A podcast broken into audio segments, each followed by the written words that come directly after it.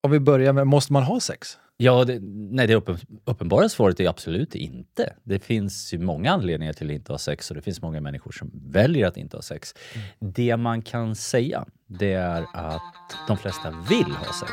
Välkommen till podden Få det att funka. En podd där vi pratar om relationer och mycket, mycket mer. Nu kör vi igång.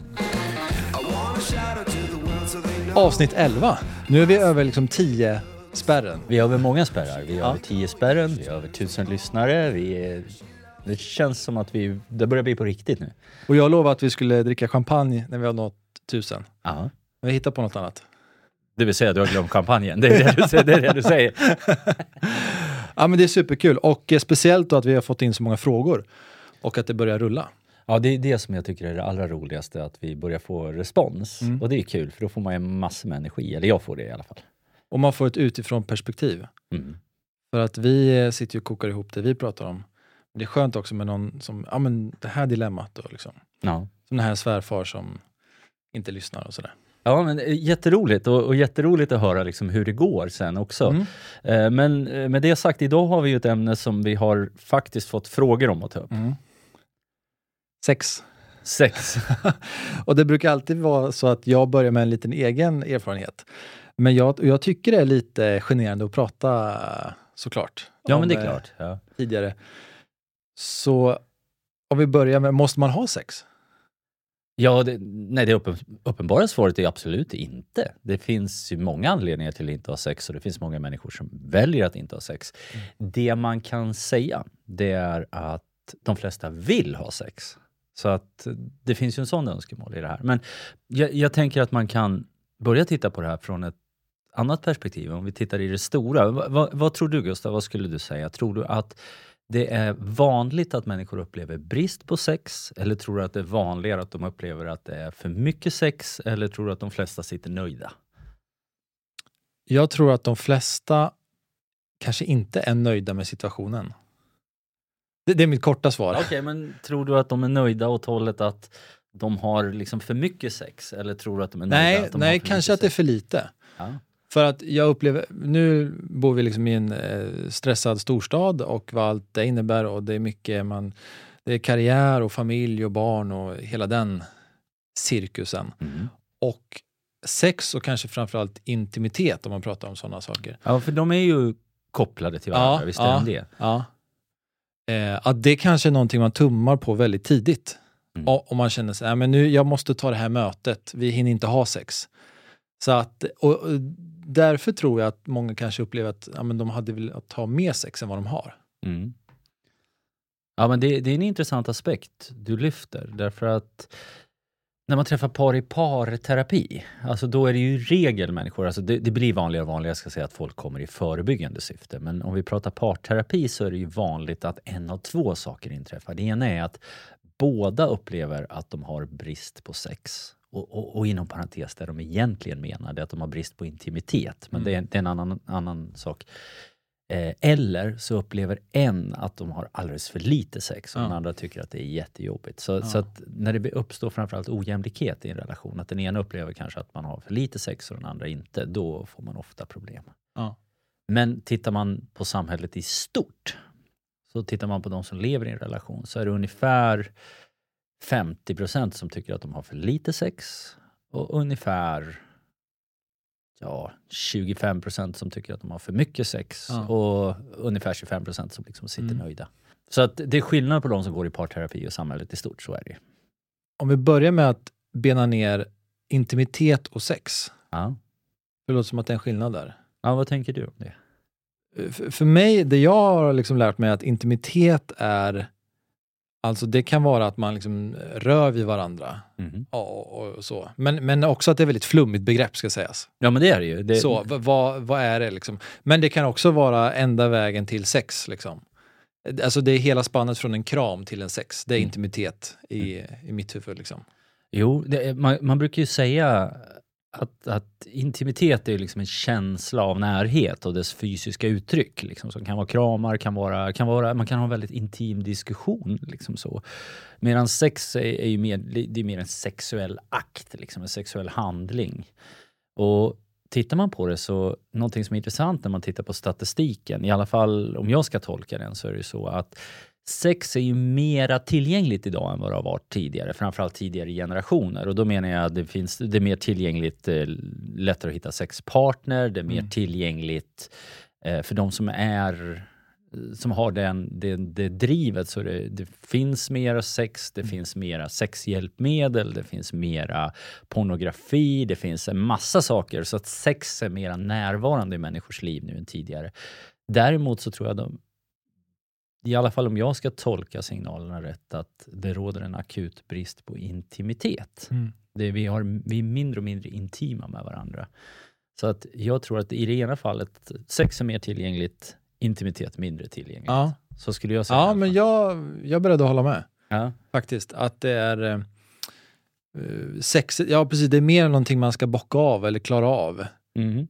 Än att det blir det här. För att jag kan också tycka att sex blir mycket bättre om man har intimitet eller liksom ett, ett förspel innan och att man får liksom hela, det blir liksom en, en kurva Ja. på något sätt. Jo, men eh, de allra flesta människor alltså, upplever ju de upplever mycket större tillfredsställelse om de upplever att de har en intim relation med en annan person. Och det gör ju, alltså den tillfredsställelsen det innebär ju att man kan mycket väl vara intim utan att ha sex och fortfarande vara nöjd med det. Så att säga.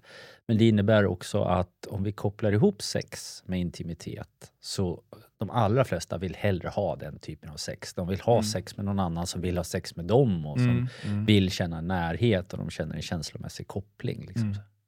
För då blir det något helt annat. Då är det nämligen så att då kopplar vi helt plötsligt sex till en relation. Mm. Så att i parterapi när folk kommer och säger så här Jo, men vi, vi tycker att vi har för lite sex. Eller den ena parten säger så här, vi har för Mm, lite sex. mm. Då brukar jag omedelbart gå och säga så här, okej, men hur skapar ni intimitet då? Just det. Hur ser ni till att skapa situationer, miljöer? Hur pratar ni och kommunicerar på ett sånt sätt så att ni upplever att ni har intimitet? Mm. För det är klart att alla är olika och alla par är olika, men min erfarenhet är att om man har mer intimitet så följer mer sex och Mm. sexualitet Mm. med. Men kan du se att, att stress hänger på, eller liksom stress kan lägga sig som ett täcke över det här med intimitet? Jo, men se- sex lägger sig som ett, förlåt, stress, stress lägger sig som ett täcke över allt höll jag påstå. Men, Ja. men inte minst över sex. Därför att om du förvandlar sex till en prestation, någonting man ska göra, någonting man ska bocka av, eller ännu värre om du förvandlar sex till någon typ av förhandling, liksom så här, Mm. då kan jag garantera er att ingen kommer att bli nöjd på det. Mm. Ingen blir nöjd med det. Mm. Det är ett sätt. Det, det är ju som eh, någonting som är intressant som ofta dyker upp i parterapi, det är ju tjatsex. Ja, just det. Ja, du vet, den ena vill ha sex, den andra vill inte. Man tjatar, tjatar, Ja, tjatar, ja. tjatar, tjatar, tjatar. Ja. Till slut så ligger man liksom för husfridens skull. Ja. Och bara det är ju hemskt. Ja, alltså det är absolut. hemskt att människor gör det. Eh, och, och, och det öppnar upp en hel dörr liksom, till massa otrevliga saker. Men om vi vänder på steken och säger så här, tänk dig att du lyckas tjata dig till sex. Mm. Hur roligt är det att ligga med någon som inte vill ligga med dig? tusan. Nej. Eh, så att ofta Nej. när man hamnar i den här tjatsituationen, Ja. för jag fick den här frågan nämligen i parterapi Ja. för några veckor sedan bara. Vad ska jag Mm. göra? Liksom? Ja, Mm. men belys det. Hörru, nu tjatar du på mig. Vill du verkligen att jag ska ligga med dig fast jag inte har Mm. lust? Mm. Vill du det? Mm. Nej, det vill jag inte. Nej, okej, då får, måste vi hitta ett annat sätt att hantera det. Mm. Så tipset, Mm. tjata mindre, mer intimitet om du vill ha mer sex. Ja. Men eh, när du eh, är i parterapi med de här paren, ehm, du- du pratar om att skapa situationer för intimitet. Mm. Vad kan det vara alltså för typ av... Är det liksom tända ljus och dricka rödvin? Eller? Ja, jo, men alltså det är inte, Ja. det är inte dumt alls. Och, och, och hur det här är, Ja. alltså för olika människor ser Ja. det olika ut. Liksom. Så är det ju. Mm. Men, men det är klart att det finns ju en anledning. De flesta tycker ju det är romantiskt. Ja, men som du säger, Mm. glas vin, en god middag, tända ljus, lite musik Jag tycker inte, alltså jag kan tycka, som man säger, man får lite cringe, alltså så att det blir, att det nästan kan bli stelt. Alltså lika väl om man går på restaurang och sen ska man gå liksom, och så är det vita dukar och liksom, Ja, det blir det är någon så här italiensk smörsång. ja, då blir det nästan avtändande. Ja, jo, men, men jag kan köpa det. Men om jag formulerar mig så här då. Om jag säger att om någon anstränger sig för din skull. Mm. För, för det här, jag, det, nu kommer det låta jättesnurrigt, men, men du får ge mig lite så här. Jag pratade med en tjej och hon sa så här. Ja, sa hon. Men du är ju man, sa hon åt mig. Ja, jo, jag identifierar mig på det sättet. Så jag, så. Och det är, jag ska säga någonting som du inte kommer att begripa, för ingen man kommer att begripa det här. Och då sa jag, okej. Då blir man ju väldigt nyfiken. Mm. Det sexigaste jag vet, sa hon. Ja, vad är det? Det är att komma hem och det är nystädat och nydiskat. Och, och, och det, i- först i huvudet så, så gick jag, va? Går du igång på disk? Ja, liksom, så ja. Jag tänker, Ja. folk tänder ju på allt möjligt. Och jag är psykolog och har hört allt. Så jag ringer. know. Men, men sen slog det mig så sa jag så här, okej men vad betyder det då? Mm. Ja men det betyder att någon har ansträngt sig för att jag ska komma hem och det ska vara fint och, och någon har gjort någonting Mm. liksom, som de Mm. vet att jag uppskattar. Och det är klart att just det där tror jag är nyckeln lite grann till intimitet och romantik. Vad man ska göra, om det är de här vita vinen Mm, och räkorna mm, eller mm, om det mm. är liksom nys. Det är kanske mindre viktigt, men det som är mer viktigt är att ja, du försöker förstå vad en annan människa uppskattar. Du sätter åt sidan din egen bekvämlighet för att ordna det och du lägger tid och energi och engagemang i en annan person. Mm. Där någonstans. Och sen kan det här yttra sig på tusen sätt beroende Mm. på vem man är själv och vem den andra är. Men det tror jag är någonting som både ger intimitet i första steget och sexualitet i nästa steg.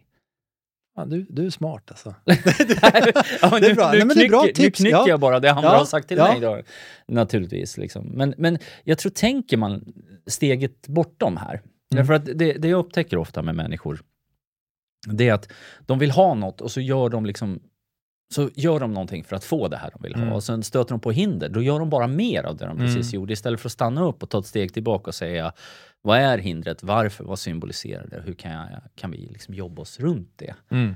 eh, på något sätt. Eh, Så att jag skulle säga eh, att gå vägen via intimitet Mm. är alltid bra. Mm. För det allra sämsta du får ut, det är att du åtminstone får ut intimitet och Mm. du mår bättre av det i Mm. förlängningen. Men sen är det ju sexualitet. Som en annan. Och det här är intressant. Vet du, Mm. vet du hur många par det är som lever i sexlösa förhållanden? Oh. Det var bra. I, I Sverige är världen Ja, jag har sett svenska studier och sett amerikanska Ja. studier. Jag vet inte hur det ser ut i resten av världen. sexlösa och då menar man, eh, förlåt jag- går in i detaljer nu bara. Ja. Men är, är, det så, är det på ett år eller genom deras äktenskap eller? Ja, man får se att de, de, de det, det är väl inte så att de aldrig har haft sex, det Nej. tror jag inte. Men, men de säger själva Ja. att de lever i ett sexlöst förhållande. Och det Ja. kan väl innebära att de antingen inte har sex alls, Ja. eller att de har väldigt sparsamt med sex. Men alltså jag skulle säga av eh, liksom relation, ja men säg 30 procent. Ja, det är ungefär en på tre. Ja.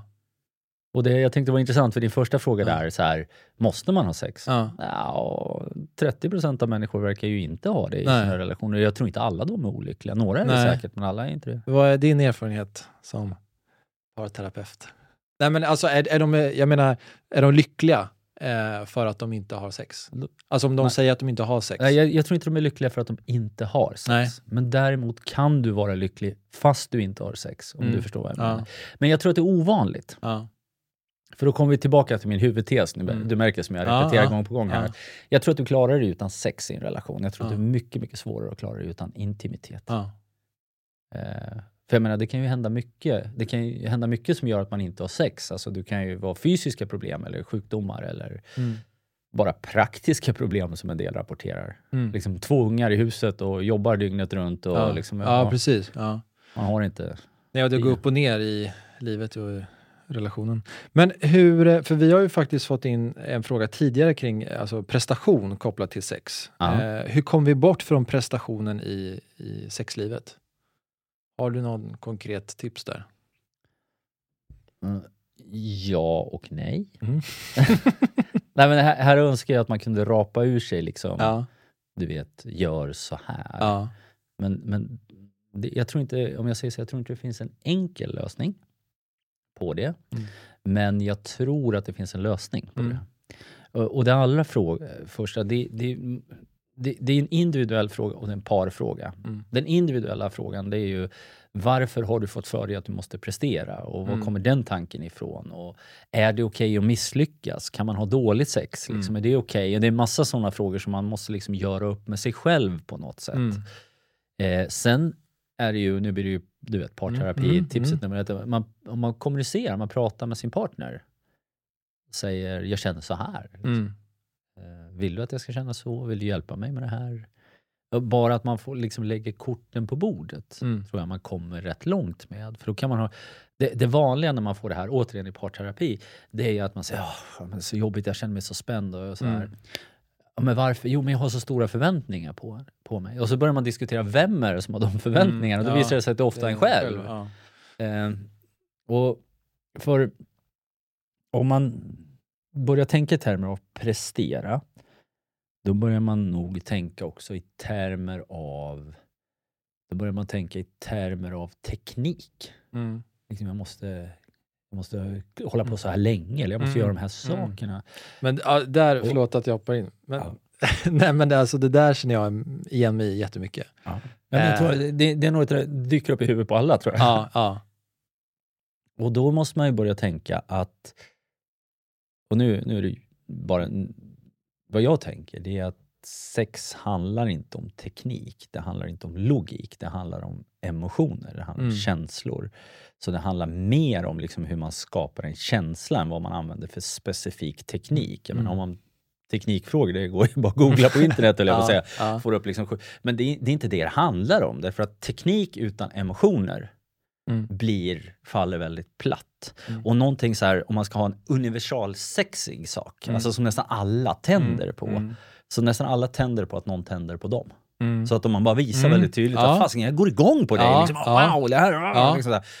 Den känslan i sig är värd mycket mer än någon teknik. Ja. Sen skadar det inte om man vet vad man håller på med. Ja, men jag Självklart inte. Liksom. Men, men jag brukar ju säga så här, med, med risk nu för att bli missförstådd och fruktansvärd. Sex är en, en lagsport. Ja. Ja, ja. Alltså det är en lagsport, så, Mm. att, så att det innebär att om jag inte är nöjd med sexet, då får ju jag agera för att bli nöjd. Mm. Och om någon annan inte är nöjd, då får väl de agera för att inte bli nöjd. Man måste liksom ta Mm. ansvar för det. Det är, en, Mm. det är en lagsport. Ja. Eh, och så länge man fungerar som ett lag, så, med den hänsyn och den respekt det kräver, så, Mm. så blir det bättre. Ja. Men där, där återigen, mindre teknik, mera emotioner. Det, Ja. det, det är i alla fall en dellösning på prestation. Eh, Och också, jag tror, det finns ett sånt här begrepp som jag tycker är jättebra. Det, det dyker upp hela tiden. dyker upp när vi jobbar med prestation i organisationer och dyker upp när vi... Men man, man är icke dömande.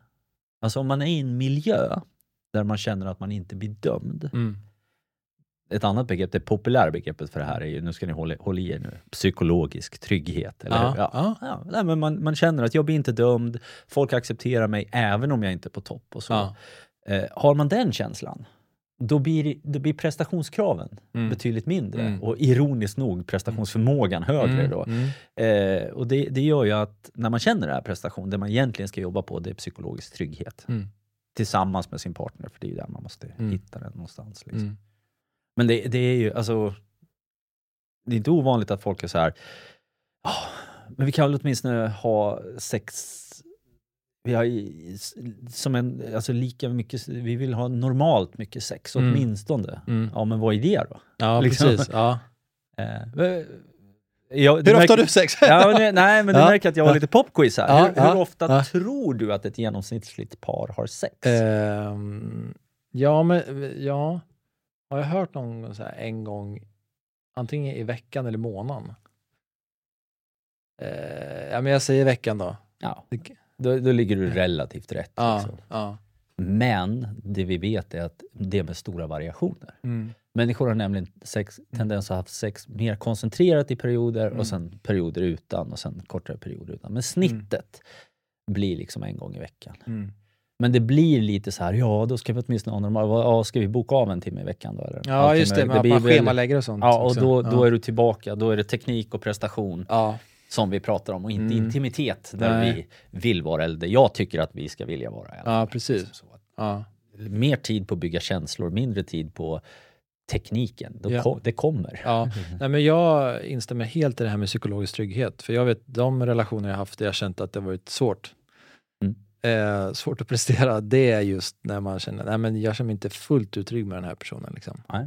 För det är ju den mest sårbara situationen man kan utsätta sig för. Ja, det är klart. Alltså i, i den kontexten. Mm. Ja, men det är klart. Och, och dessutom har ju, om vi nu leker med tanken att man blir dömd mm. och bedömd, då dessutom är det så att alla bedömer den utifrån sina egna skalor. Så bara för att en person man, man duger i sin prestation åt en person så innebär Mm. inte det att man duger åt någon annan. Liksom. Nej. Man kan ha en helt annan skala. Ja. Dessutom är ju det här rörlig materia, för det här är någonting Ja. vi inte får glömma bort. Det här är, dyker upp i parterapi hela tiden. Mm. Och säger vi har rutinsex. Liksom. Så här, man har, då har man bestämt att vi börjar med A, går vidare till B, gör sen C, sen D och sen... Uh, Mm. pappa, pappa, man liksom, eh, och om vi ser sex mer som känslor och mindre som teknik så, så ist- då har man liksom fastnat i något som ska vara det ultimata som man kommer överens om. Men problemet är att människor är ju rörlig materia. Så bara för att jag går igång på en sak nu innebär Mm. inte det att jag går igång på den saken Ja, sen. det var det du menade med rörlig materia? Ja. ja. Ja, nej, Ja, men jag utan det jag menar, okej jag ska försöka formulera mig bättre. Människor är ju föränderliga. Precis. Så att det man tänder på vid en Mm. tillfälle, ett period, eller en sinnesstämning. Kanske inte alls samma sak som man tänder på en helt annan sinnesstämning eller en annan period. Ja. Och det där märker vi ju att par som rapporterar att de är väldigt lyckliga med sitt sexliv, Mm. det sexlivet har en tendens att evolvera, det utvecklas hela Mm. tiden. Liksom man utvecklas med nya saker och Mm. nya manövrar eller Mm. nya tekniker eller Mm. vad, vad det nu kan vara. Mm. Men framförallt nya, liksom man utforskar olika delar av sexualiteten. Eh, Så det man, man ska komma ihåg att jag, jag, jag brukar säga man behöver inte stå för det man gör i ruta ett, i ruta tre. Mm. Liksom. Du får ändra det hur många gånger som helst. Just jag vill det. prova det här, det var inget bra. Nej, Ja. då släpper vi det. Ja. ja. Hur tror du att eh, sociala medier har påverkat bilden av intimitet och alltså sex? Alltså, oj, oj, oj, oj. Nu, Nu, nu, nu kan är du äldre än vad jag är, men jag är uppvuxen Ja. med hela liksom. Instagram och eh, Tinder. Och, Det är Ja. super, super stor skillnad mm. Eh, när det gäller din, eh, din generations Mm. eh, syn på, eller syn, men, men sexuella praktiker Mm. och min generation. Och nu ser jag Kinky-podden framför mig och Aurora här för att hon grillade mig på det här. Frågan om vi ska ta in henne och Ja, prata klart, om det här. det är klart vi ska göra när vi Ja. gör uppföljningen på det här. Ja. Då ska vi ta hit Aurora som kan allt om kinkighet. Och, eh, Men, eh, bara det här att vi har absolut fri tillgång till pornografi nu. Mm. Och det här ser vi, vi, det roliga med det här det är att vi vet att det här kommer att förändra sex och sexualitet och synen på sex och sexualitet, men vi vet inte riktigt hur än, därför att vi är mitt i den här Ja. revolutionen. Mm. Eh, Min generation är uppvuxen i, när, i en miljö där porr inte var fritt till. Man hade, man hade inte fritt tillgång till det. Man Mm. kunde nog krångla sig till Mm. tillgång, men, men liksom, det var inte enkelt. Tidningar och VHS. Ja, men typ Eller- liksom. Ja. Ja. Och, och nu så är det bara klick, klick, klick, klick, Ja. pang, pang, pang. Liksom. Ja. Du hittar ju pornografi i liksom tioåringars telefon nästan. Ja. Och det här gör ju att det kommer att påverka, men vi vet inte hur. Vi har gissningar hur det påverkar. Mm. Vi ser såna här saker som erektionsproblem hos yngre män förekommer i mycket högre omfattning nu än vad det gjort tidigare. Mm. Eh, Jag jobbade kliniskt en period och tog väldigt mycket patienter och då, det, det är liksom ja, det är många yngre män som har erektionsproblem idag. Mm. Eh, och det värsta är att de vanliga behandlingarna biter inte riktigt på det. Ja. Och, och gissningsvis är det här kopplat till, eller det är i regel kopplat till Mm. väldigt hög konsumtion av porr. Mm. Så det är ju någonting som antagligen är negativt. Mm. Sen är en annan sak att, att hålla i huvudet när det gäller sådana saker, är någonting vi kallar för, nu ska vi få höra ett psykologbegrepp här, Ja. psykologisk, eller förlåt, systematisk desensibilisering. Mm. Och systematisk desensibilisering, vardagsord för det, avtrubbning. Om man hoppar fallskärm en gång Mm. Just det. så får man en jättestark kick. Mm. Hoppar du fallskärm tusen gånger så är det Mm. liksom så här. Det är väl fortfarande kul. Men... Vad Är det endorfin? Nej? Ja, det, har med, det? har med sådana saker Ja. att göra. Det har med Ja. endorfinnivåer, adrenalinnivåer och massa Ja. sådana saker att göra. Men, men det har framförallt med en, en mental tillvänjning. Mm. Och, och det här gör ju att tittar vi på eh, exponeringen för sex Mm. så, så vi har, eftersom det är mycket högre tillgång så blir vi också tillvända. Vi, går liksom, det blir inte, äh, vi är inte riktigt lika engagerade, vi är Mm. inte riktigt lika drivna i det här. Detsamma gäller, vi ser människor med väldigt många sexpartners. Mm. Det. Där sker också det här vi kallar för systematisk desensibilisering. Det vill säga i normalfallet, så det, det här vet jag att någon skulle, andra skulle säga annorlunda, men, men jag säger det här. Mm. I normalfallet så triggar sex en anknytningsprocess. Det här är evolutionärt. Mm. Det är vettigt Mm. ur ett evolutionärt synpunkt att liksom knyta an till personen som du har sex med. Mm. Eh, mm, och det är det här som gör att, att eh, om vi har sex så har vi en tendens att komma närmare varandra. Liksom så. Men om du har sex med väldigt många personer, då knyter du an till varje person mindre och mindre och mindre och mindre Mm. och mindre. De, Mm. de, be- de som personer Mm. betyder mindre för Ja. dig. De blir mindre av ett subjekt och mer av ett objekt. Och Mm. Det här gör att, att sex tappar sin betydelse för dig. Sen Mm. kan man ju tycka att det är gott och ont. Liksom så. Mm. Men, men, eh, så det är också en effekt Mm. vi kan se. Många sexpartner leder till en känslomässig avtrubbning.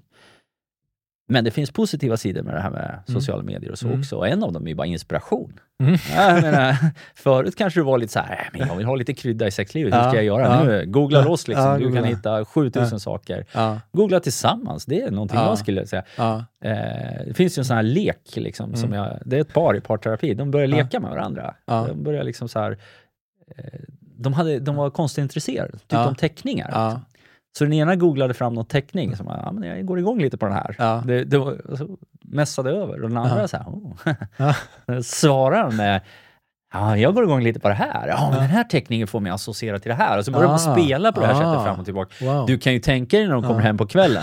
Stormkott. Eller hur? Jo, men eller hur? För de har byggt ett spel kring det. De har accelererat långsamt. Och eh, lekfullhet också. Ja, men det är hundra Förlåt, I det. Mm. ja, men det är 100 procent, eller hur? Mm. Det det måste finnas, eller ju- jag tror ju mer lekfullhet man kan få in, Mm. desto bättre är det. Mm. Ja. Ja.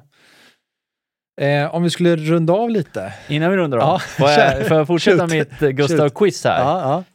Hur många sexuella partners tror du en genomsnittlig person har Oj. haft? Ja, det... Alltså, uff, mellan 10-20. 10 till 20? Ja. Det roliga är att man frågar människor, jag har ju frågat studenter bland annat, så, här, Mm. så har de en tendens att överskatta mängden sexpartner. Ja, ja, jag tänkte också det. Det kanske är eh, färre. Ja, det finns olika studier och Mm, siffrorna mm. här är svajiga som Mm, tusan. mm. Men un, en siffra som ofta dyker upp är sju. Mm. Eh, och det beror ju på att när vi tittar så en stor majoritet av Mm. befolkningen har väldigt få sexpartner. Mm. Och en liten minoritet av befolkningen har jättemånga sexpartners. Mm. Eh, så snittet hamnar betydligt lägre än vad man tror. Ja. Så det hamnar runt sju.